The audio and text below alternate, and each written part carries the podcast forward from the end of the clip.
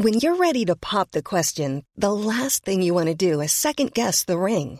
At Bluenile.com, you can design a one of a kind ring with the ease and convenience of shopping online. Choose your diamond and setting. When you find the one, you'll get it delivered right to your door. Go to Bluenile.com and use promo code LISTEN to get $50 off your purchase of $500 or more. That's code LISTEN at Bluenile.com for $50 off your purchase. Bluenile.com code LISTEN. Burrow's furniture is built for the way you live. From ensuring easy assembly and disassembly to honoring highly requested new colors for their award-winning seating, they always have their customers in mind. Their modular seating is made out of durable materials to last and grow with you. And with Burrow, you always get fast, free shipping. Get up to 60% off during Burrow's Memorial Day sale at burrow.com slash ACAST. That's burrow.com slash ACAST. burrow.com slash ACAST. There's never been a faster or easier way to start your weight loss journey than with PlushCare. PlushCare accepts most insurance plans and gives you online access to board-certified physicians who can prescribe FDA-approved weight loss medications like Wigovi and Zepbound for those who qualify. Take charge of your health and speak with a board-certified physician about a weight loss plan that's right for you. Get started today at plushcare.com slash weight loss. That's plushcare.com slash weight loss. plushcare.com slash weightloss. Er konservativ teologi et ubrukelig begrep? Det er et av spørsmålene vi vil snakke om i dagens utgave av Tore og Tarjei.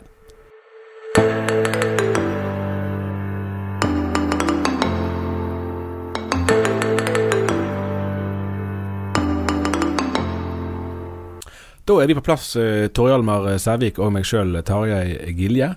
Vi skal eh, høre litt fra professor Knut Alfsvåg om noen få minutter, men før det så skriver du, Torje Almar, denne uken i avisen om en bok som Tankesmien Skaperkraft har vært med å utgi på engelsk. Ja, det stemmer. De har samarbeida med blant andre skaper... øh, nei. Det går i surr med begrepene, men det er altså tankesmien Theos i England.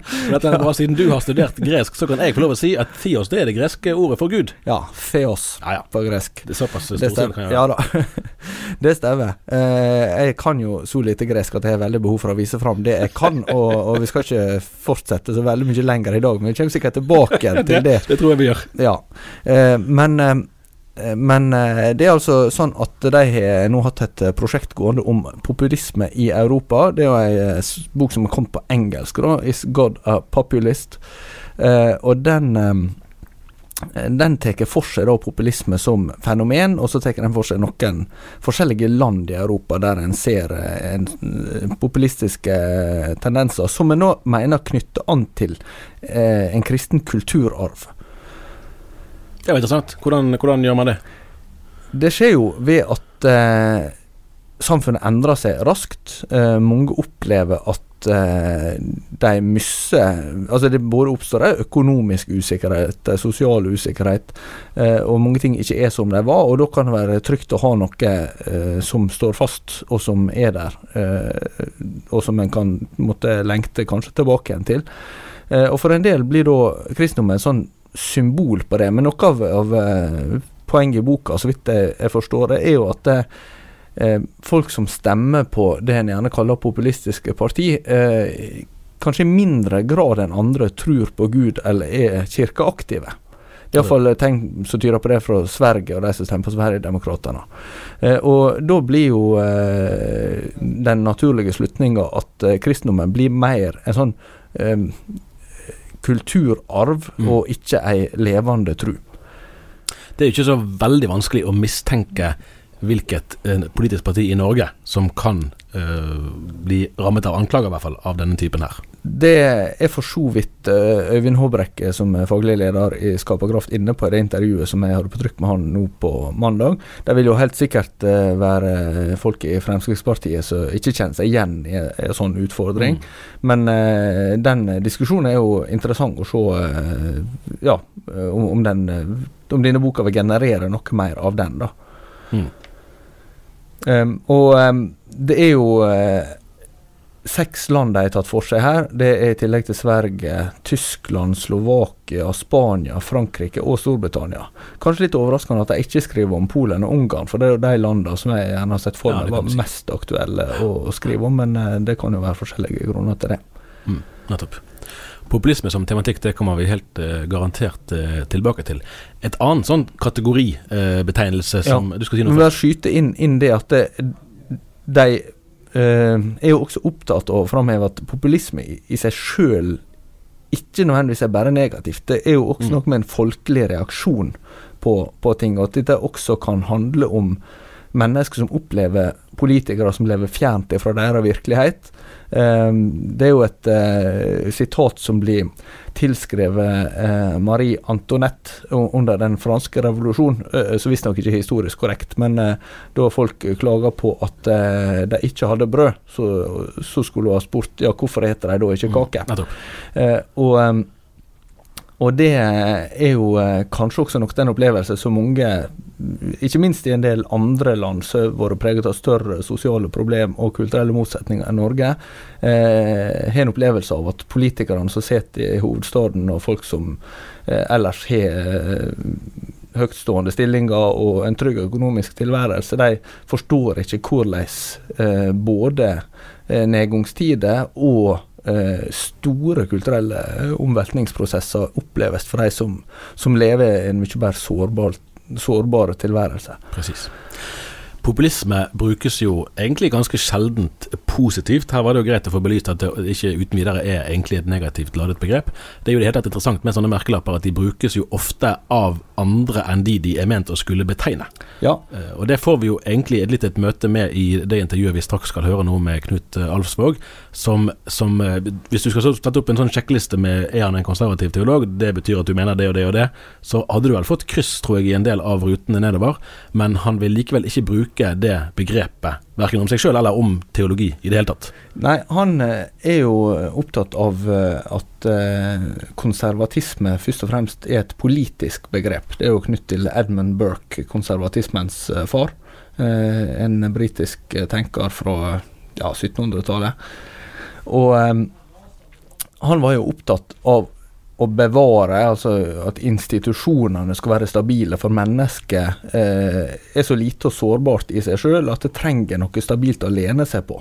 Og dermed så blir eh, familien og eh, utdanningsinstitusjoner og alt som står fast på, på, utover vår egen levetid, det blir veldig viktig. Og det kan en ha stor forståelse for, eh, både som kristne og som samfunnsborger. Men litt av eh, eh, Alfsvåg tilnærming er vel at det ikke nødvendigvis er det mest fruktbare når en skal drive teologi og, og tenke i tråd med en politisk ideologi, da.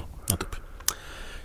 Alfsvåg vil vel være betraktet som kanskje i hvert fall en av de aller fremste fagteologene i Norge som eh, er tydelig plassert i den, da, altså, da bruker vi den kategorien som han ikke bruker, da, men på den konservative siden. Eh, Så det er jo noe av utgangspunktet for at, eh, at det er interessant å snakke med han. Vi overlater, tror jeg, da eh, scenen til han eh, noen minutter fremover, og så er vi tilbake neste uke, da fra Sunnmøre. I dag har vi besøk av professor Knut Alfsvåg ved VID vitenskapelige høgskole, og det er det som tidligere het Misjonshøgskolen i Stavanger. Eh, og Han leder også noe som heter FBB, for Bibel og bekjennelse, som er kjent som en forening for konservative teologer. Men eh, du, Knut Alfsvåg, vil egentlig ikke være en konservativ teolog. Kan du forklare hvorfor? Eh, Konservatisme er egentlig et politisk uttrykk som sikter på å bevare fortidens organisasjoner og samfunnsformer på en, på en konstruktiv måte. Og i det politiske kan det kanskje ha noe for seg, men jeg tror ikke det er et godt utgangspunkt for, eh, for arbeid med teologi og bibelutleggelse. Eh, For i den kristne tro og den kristne fokus på, på Guds nåde og radikal nestekjærlighet, så ligger det en, en konstant utfordring til, til til oppbrudd, til å gå videre, til å legge bak seg og legge bort det som ikke fungerer. Eh, derfor så syns jeg ikke en ivaretar det er de sentrale poengene i den kristne tro med å bruke et uttrykk som konservativ teologi. Det er et, for meg et selvmotsigende uttrykk som vi bør legge bort. Hva er et bedre alternativ, som du ser det? Teologi, det finnes eh, prinsipielt sett to former for teologi. Det er saksvarende teologi og teologi som ikke er saksvarende. Saksfarende teologi er teologi som forsøker å ta det radikale i den bibelske guds- og frelsesforståelse på alvor. Eh, og utlegge og anvende det på en relevant måte i samtidskonteksten. Ikke-saksvarende teologi er teologi som viker tilbake for den utfordringen å drive en eller annen form for tilpasningsstrategi, der den radikale utfordringen i det kristne budskapet blir fortiet. Jeg har intervjuet uh, Øyvind Aasland, han som er generalsekretær i Norsk Luthers Misjonssamband, et par ganger. Og, og, han, da vi har snakket om dette, uh, og da har han nettopp trukket frem at han heller egentlig ikke liker den konservative merkelappen noe særlig, men vil heller bruke ordet radikal. Og det er jo et ord som er mye mer i tråd med den lutherske lekmannsbevegelsen sin selvforståelse. Den var jo i sin tid en radikal uh, bevegelse i norsk kristenhet som ønsket å bryte med noe. og det er jo kanskje teoretisk og prinsipielt sett òg mer saksvarende for Den kristne kirke på mange plan. At den er en radikal røst som har kontakt med sine egne røtter, og som baserer seg på det mer enn at den egentlig er en del av et sånn bevarende system. Ja, og jeg tror det er viktig å, å, å ha et selvkritisk perspektiv på sin egen tradisjon og, og sine egne eh, sosiale og sosiologiske forutsetninger. Eh, eh, både i vekkelsesbevegelser og andre deler av det kirkelige landskap, så ser en jo veldig lett at en kommer til å, eh, å ta deler av sin egen tradisjon med en grad av selvfølgelighet som slett ikke burde ha vært der. Mm. Altså, vi, vi, må ikke miste det, det, selvkritiske perspektivet, for da konserverer vi deler av den menneskelige tradisjonen. Eh, og det er i hvert fall ikke luthersk. Vi står jo midt oppe i en tid med store kirkelige endringer. Den norske kirke har endret eh, sitt, eh, sitt vigsels, altså sin, sin vigselsliturgi. Og det er jo bare ett av, av, flere utslag på at det som man vil kunne Som blir kalt for en konservativ teologi, er på vikende front. Jeg har skrevet om konservativ krise i avisen, og en av de tingene som jeg virkelig lurer på, er um, det er jo en fare for at, og det gjelder i politikken òg, at konservativ overbevisning kan egentlig være et synonym for forsinkelse. Altså man gjør egentlig det samme, men man gjør det bare litt saktere. Eh, og på mange måter er det jo det vi ser i flere av de og igjen bruker jeg merkelappen konservativ, men merkesakene. Så f.eks. i spørsmål om kvinnelige prester, i spørsmål om samboerskap, skilsmisse, gjengifte, nå om homofilt samliv mer og mer, at de endringene som skjer ellers i kirken og i samfunnet, de skjer langt på vei òg i disse miljøene, bare litt seinere. Eh, det Eh, ja, Det syns jeg er ganske ubehagelig, for da blir jo det som Man kaller det gjerne for bibeltroskap i første rekke, men så viser det seg at den var jo en mer elastisk størrelse, den òg, tydeligvis, da, enn det man, man uh, ga uttrykk for. Og da må man lure på, ja vel, hvis du var villig til å fire på det spørsmålet i morgen, hva, hvor er du villig til å fire Nei, i går, mener jeg. Hvor er du villig til å fire i morgen? Ja, og jeg mener jo at da vikler en seg inn i helt uh, uheldige problemstillinger. En må uh, fokusere og, og, nå fram til de underliggende forutsetninger på en helt annen måte. Eh, hvis en, eh, eh, jeg er enig i det du sier, og jeg er enig i at det er en uheldig konsekvens. Samtidig så, så kan, eh, kan, det blikket og det perspektivet ofte bli veldig nærsynt. Fordi eh, hvis vi ser på det med, med, de lange historiske blikk, så er jo Den kristne kirke en størrelse som forandrer seg forbausende lite. Hmm. Eh, de, de, sentrale karakteristika for en, kristen, eh, for en kristen kirke og en kristen gudstjeneste er fremdeles de samme som vi har i Det nye testamentet, og som vi har i de klassiske bekjennelsesskriftene. Alle kristne til alle tider, alle steder møtes for å utlegge Bibelen som hellig tekst. De feirer eh, kirkens sakramenter. De, de, de, møtes i en felles overbevisning om, om Jesus som Guds sønn og verdens frelser.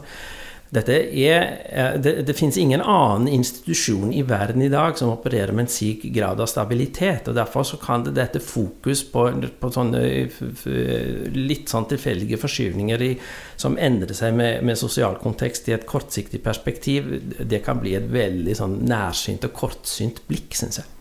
Interessant det der, fordi at man kan jo få en følelse av i dag at, at hele samlivsutviklingen, der det blir jeg tror mange opplever det som at det blir stadig vanskeligere å forfekte et alternativt syn til det som nå er det dominerende, og de sosiale kostnadene ved å stå frem eh, med et tradisjonelt syn på ekteskapet for mann og kvinne, det eh, medfører en såpass mye potensiell stigmatisering at mange vegrer seg for å innta det.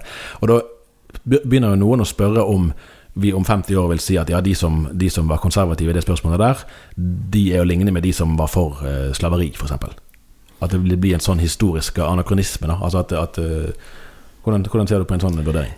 Ja, Hvis en ser på de underliggende forutsetninger, så er det helt andre mekanismer eh, som, som, slår ut her. Eh, jeg hører jo til de som har vært skeptisk til nyorienteringen i samlivsetikken, men ikke, eh, ikke fordi at jeg er spesielt interessert i å konservere en, en bestemt sosiologisk eh, struktur rundt ekteskapet men fordi den nye samlivsetikken bygger på teologiske forutsetninger som etter min forutsetning ikke er holdbare. Eh, og, og, og, det, det, og det, vil ikke, det, vil ikke, endre seg.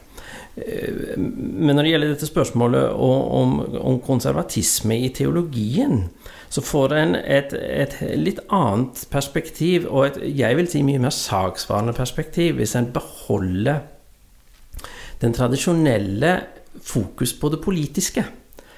Eh, fordi da blir det jo en konservativ tilnærming til kirkelige spørsmål det blir jo den tilnærming som primært er ute etter å bevare folkekirkestrukturen. Mm. Eh, I en tid som eh, har mistet de forutsetningene som lå til grunn for at den er blitt etablert.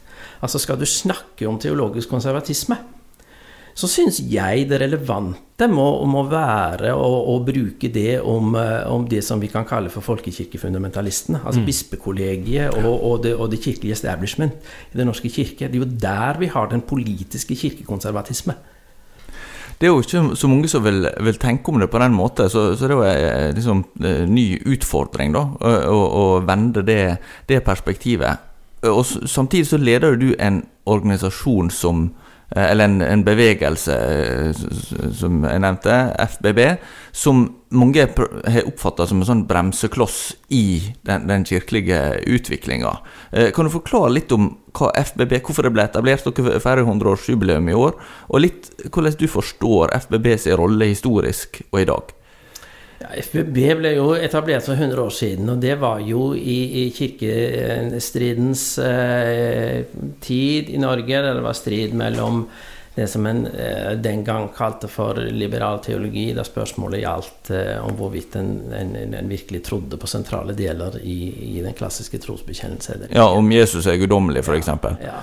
Og i, i, den første halvdel av MFs hundreårige historie så var jo eh, FBB stort sett identisk med den teologi som ble dosert eh, på MF og forfektet av, av um, lærere og, og, og, mm. de, og, de, prestene som gikk ut fra MF. Og det var de aller fleste norske prester? Ja, det var de aller fleste norske prester. Ja. Så, så, sånn sett jeg, jeg, jeg, igjennom en første halvdel av sin historie så var FBB en relativt lite kontroversiell størrelse i norske kirkelandskap, fordi flertallet av prester var enten medlemmer eller, eller soknet til den måten mm. å tenke teologi på. Det som skapte eh, splittelsen her, var kvinneprestspørsmålet. Og kvinnespørsmålet har nok bidratt til å marginalisere FBB. Fordi, eh, men eh, jeg tror ikke det som har vært drivkraften i, i FBB, de som har vært tilbakeholdne for nyorienteringen også i det spørsmålet, ikke i og for seg har vært en, en, en behov for, for konservatisme. Eh, men et behov for å være sikker på at en vet hva en gjør når en endrer på noe som det har vært eh, økumenisk aksept av gjennom hele kirkens historie. Eh, altså en, en, en, følelse av at nå endrer en kanskje ting litt fort uten å være helt klar over hvilket landskap en beveger seg i. Du er bidragsyter i en nokså ny bok som heter 'Skal kvinnene tie'? Det passer jo bra at vi sitter her tre menn og snakker om. Ja, eh, og den handler jo annet om det spørsmålet. Ser du du nevner det, kan du forklare litt mer om, om hvorfor dere har laga den boka? Ja, den, den, boken inneholder for så vidt lite nytt, eh, fordi eh, det er stort sett gjenopptrykk, eller det er bare gjenopptrykk av ting som har stått tidligere nå gjennom kvinneprestdebatten. Eh, stort sett da den var på sitt, høy, sitt høydepunkt i Norge, som var på 1960- og 70-tallet. Eh, vi har gitt ut den ikke fordi at vi mener nødvendigvis at, at, alle de viktige tingene om den saken ble sagt den gangen, men fordi vi mener at den gangen ble sagt viktige ting som det er viktig å ha med seg i, i debatten videre, og som eh, kanskje eh, har, druknet litt i støyen fra andre problemstillinger. Det er, er, er, visse eh, elementer i den diskusjonen som berører helt sentrale ting i hva det vil si å være kirke og betjene kristen tro. Det er jo eh, en viktig parallell. Altså, mange har jo ønsket å trekke en linje for at hvis du firer i kvinnepressspørsmålet, så vil du senere òg fire f.eks. i homofilispørsmålet. Da skal ikke vi sette noe sånn likhetstrekk eller automatisk eh, fastslå at, den, at de vil følge hverandre parallelt. Men det er jo ett eh, et trekk ved de to debattene som, som har viktige fellestrekk. Og det er jo at, at den teologiske debatten foregår i en tid der det er et sterkt trykk i det politiske landskapet som peker i en bestemt retning. Ja. Eh, og, da, og, da, er det jo en utfordring for Kirken å teste hvilke av disse endringene er det vi faktisk gjør fordi vi opplever at Guds ord forteller oss noe som vi ikke har forstått før, og hvilke av disse endringene er det vi egentlig gjør fordi vi ikke orker eller tør eller vil eh, trosse eh, utviklingen i samfunnet. Ja, det er i, i både, både kvinnepressspørsmålet og, og i, i, samlivsetikken så er det sånne paralleller. Både offentlighetens press og det at eh, det, eh, det, dreier seg om grunnleggende endringer i, i, eh, synet på hva et menneske er, eh, forholdet mellom mann og kvinne, og hva det vil si at mann og kvinne er skapt som mann og kvinne i, i Guds bilde. Eh, og eh, det, som er, eh, det som er min kritikk av mye av denne debatten, er at en i stor grad, bl.a. fordi han har vært under, under, under ytterprest, har hoppet på nye konklusjoner uten å være klar over og uten å tenke grundig gjennom de forskyvninger i helt grunnleggende forutsetninger i, i forståelsen for å arbeide med teologiske spørsmål som en dermed eh, drar med seg. Altså min, jeg kan ikke være kritisk til konklusjonene, men kritikken går i mye større grad på de forutsetninger eh, for konklusjoner, de argumentene som en bruker, enn selve de konklusjonene en når fram til. Det vil jo gjerne være sånn i en eh, offentlig debatt, og kanskje i økende grad også i en kirkelig debatt, at folk vil se dette som en del av et sånn her eh, frigjøringsprosjekt. At kirka legger fra seg eh, upopulære standpunkt og noen vil trekke linjen tilbake til 1913, sant, og kvinnene endelig fikk stemmerett i Norge, og så har du fått økt likestilling og sånn, og så omsider forstår Kirka også sin rolle. Hva, hva, perspektiv eh, har du på det? Eh, jeg forsøker å se på det med åpenhet for litt, litt, lengre, litt lengre, linjer, og, og, og, da ser vi at eh, tingene svinger gjerne på, på litt lengre bølgelengder. Eh, det er helt klart at i eh, moderne kvinnefrigjøringsbevegelse så er det berettigede elementer av opprør mot den rolle kvinner ble tildelt i det tidlige industrielle samfunn. Eh, som var annerledes enn den rolle en hadde i det tidligere bondesamfunnet, der kvinner gjerne kunne ha en friere stilling enn en de hadde. Så det er helt klart at eh, det er, mye i den moderne kvinnebevegelse og i den moderne eh, feminisme som er et helt berettiget opprør mot mot tradisjoner som har fungert undertrykkende, og er helt klart en konsekvens av den kristne tanken om likeverd mellom mann og kvinne. Du er jo lutherekspert, Luther-ekspert, eh, og mange i dag vil spørre hva skal vi egentlig med luthersk eh, teologi? Hvorfor skal ikke vi på en måte samle kreftene og, og, og tenke mer på tvers av, av kirkesamfunn, og, eh, og, på en måte legge bak oss gamle skiller mellom kristne i møte med et, et mer, en mer sekularisert kultur, nye religioner som får større innflytelse? Hva, hva tenker du om det?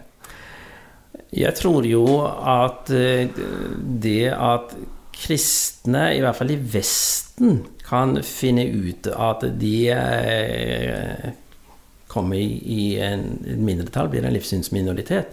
Det skaper forutsetninger for positiv kontakt mellom kristne. og Det ser vi mange eksempler på.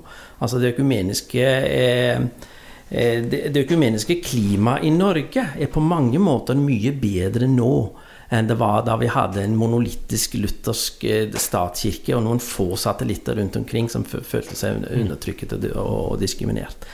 Eh, jeg har av og til omtalt eh, endringen i ekteskapsloven som, som, det mest økumenisk vellykkede samarbeidstiltaket i Norge, fordi det fikk pinsevenner og katolikker og alle andre til å sitte ved samme bord og snakke om det vi hadde felles. Mm. Eh, og det, det, tror jeg er en veldig positiv konsekvens av, av livssynsmangfoldet at kristne faktisk finner sammen på tvers. Eh, I det prosjektet så ser jeg faktisk at det er eh, viktig å fokusere på den lutherske arven, fordi den lutherske arv eh, er i utgangspunktet arven fra en fornyelsesbevegelse som ville fornye den enda udelte kirke på begynnelsen av 1500-tallet. Og derfor som er, er, bevisst økumenisk i sitt anliggende med fokus på det som samler evangeliet om Jesus som frelser, dåpen og nattverden som de sakramenter Jesus innstiftet. Eh, det er et fokus på det som skal virke samlende. Og hvis eh, økumenikk i det lange løp skal kunne eh, skal kunne ha bærekraft i seg, så tror jeg vi i fellesskap må gi rom for det som er det genuint opprinnelige økumeniske i det lutherske reformasjonsprosjektet. Jeg gjorde mine skarve teologistudier på NLA-høgskolen her i Bergen. og Da var det flere ganger både da og ikke minst senere når jeg jobbet med debattstoff i dagen, at jeg har hatt litt uh, sympati for uh, lærerne mine som gikk inn i teologistudiene eh, med et genuint kristent eh, siktemål, så langt jeg kjenner til, men som mer enn én en gang har blitt konfrontert fra f.eks. debattskribenter i dagen med at deres da faglig funderte teologiske betraktninger ikke er i hermetegn kristelig nok. Sånn at de ikke er konservative nok, for eksempel, som vil være en sånn betegnelse som blir brukt. Selv om vi har diskutert og problematisert det begrepet her. Eh, I hvilken grad har det vært styrkene for troen din? I hvilken grad har det vært vanskelig å skulle jobbe akademisk faglig med noe som samtidig strekker seg utover det som tanken kan romme?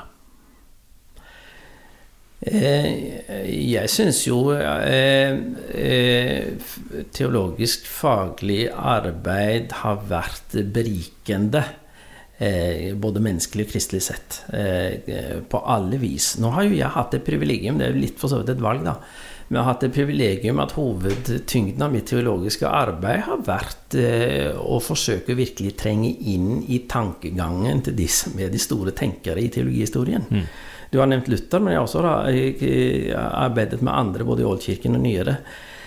Eh, og, og det, det, vil jeg jo si er et, eh, en måte å arbeide med teologiske spørsmål på som både som både er trosstyrkende, men samtidig befrier, litt fra, eh, befrier en litt fra dette å skulle være under altfor eh, for sterkt press for samtidens forventninger. Fordi en ser at samtidens forventninger er jo også en størrelse som i et historisk perspektiv kan endre seg ganske mye. Nettopp. I løpet av de senere årene har det jo vært eh, debatt om bibelsynet, i den grad det finnes noe sånt. Altså som en entydig størrelse, både på NLA og på MF. Ja. Eh, og, og, ikke minst i Norge, der, der lavkirkeligheten og lekmannsbevegelsen har stått så sterkt, der det var tradisjon for å lese mye i Bibelen. Sant? gjerne lese, men ikke så sterk tradisjon for, for å, søke akademisk uh, skolering. Uh, hvordan har du opplevd uh, utviklingen der, og ikke minst nå i vår tid, der jeg syns jeg ser noen trekk som tyder på at man går nærmest i enda mer, nå bruker jeg det ordet igjen, konservativ retning, i en del av de lavkirkelige miljøene, kanskje som en reaksjon på utviklingen i Den norske kirke? Eh, det skjedde et grunnleggende brudd, tror jeg vi kan si, i, i de faglige forutsetningene med arbeidet med Bibelen etter opplysningstiden. De siste 200-250 år. Eh, det som skjedde da, var at en i mye sterkere grad enn tidligere ble opptatt av bibelhistorien som en samling fakta. Eh, dette er felles for det vi gjerne kaller for liberale og konservative tradisjoner. Forskjellen er bare at en, at en ikke, ikke, ser disse eh, Altså jeg er skeptisk til hvor stor grad det lar seg etablere fakta, mens mm. Eh, andre er, ser det som veldig viktig å etablere fakta og forholde seg til de. Begge deler er en typisk moderne måte å forholde seg til Bibelen på. Mm. Eh, som, både, eh, som de klassiske bibelutleggere, både i oldkirken, middelalderen og reformasjonen, har et annet perspektiv på. Altså, det er jo i og for seg viktig at, eh, at ting har skjedd, men en ser det ikke som noe poeng å forsvare en påstand om at alle fortellinger i Bibelen er, er, er referert av journalister som lå i busken og så hva det var som skjedde. altså eh, eh, En har et litt mer avslappet forhold til, eh, til eh, det som, eh, som, reportasje av eksakte fakta, og er mer interessert i bibelteksten som formidling av guddommelig nærvær og guddommelig mm. åpenbaring. Eh, det perspektivet har en i stor grad mistet. I mye, Det har kommet litt mer tilbake igjen i, i, i de senere årene, men det er i en periode helt fram til den tiden da jeg var teologistudent på 1970-tallet, mm. eh, så var dette veldig styrende perspektiver.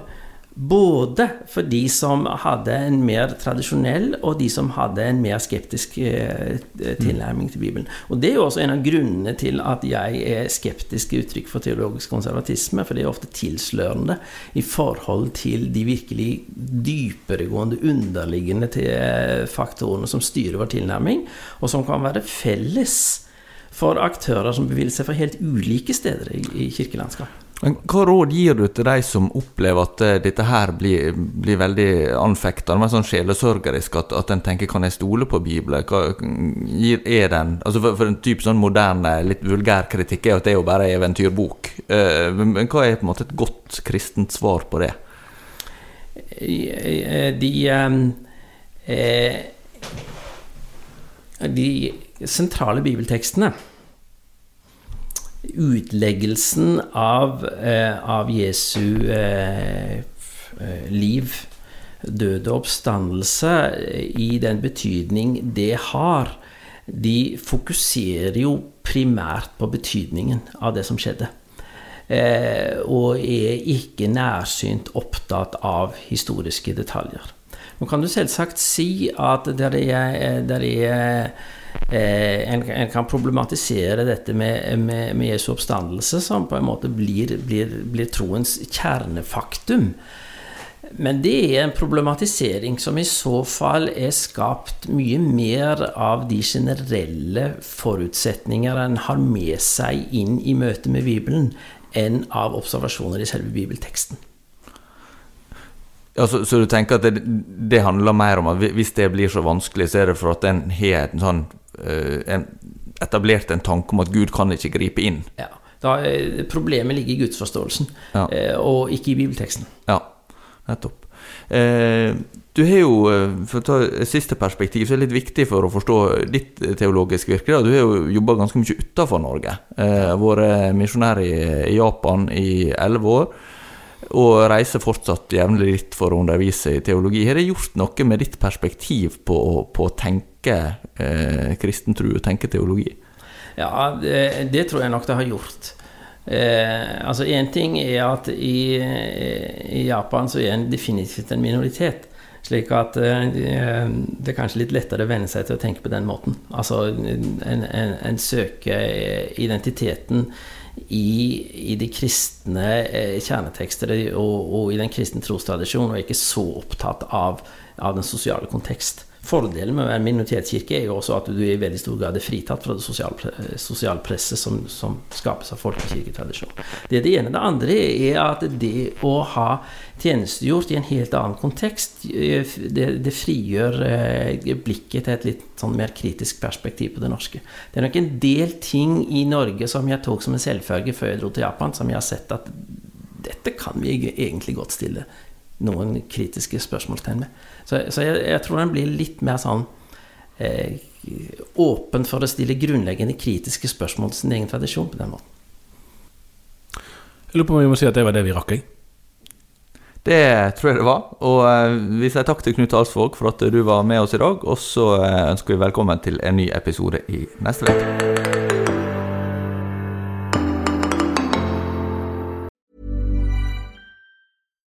Here's a cool fact a crocodile can't stick out its tongue. Another cool fact you can get short term health insurance for a month or just under a year in some states. United Healthcare short term insurance plans are designed for people who are between jobs, coming off their parents' plan, or turning a side hustle into a full time gig. Underwritten by Golden Rule Insurance Company, they offer flexible, budget friendly coverage with access to a nationwide network of doctors and hospitals. Get more cool facts about United Healthcare short term plans at uh1.com.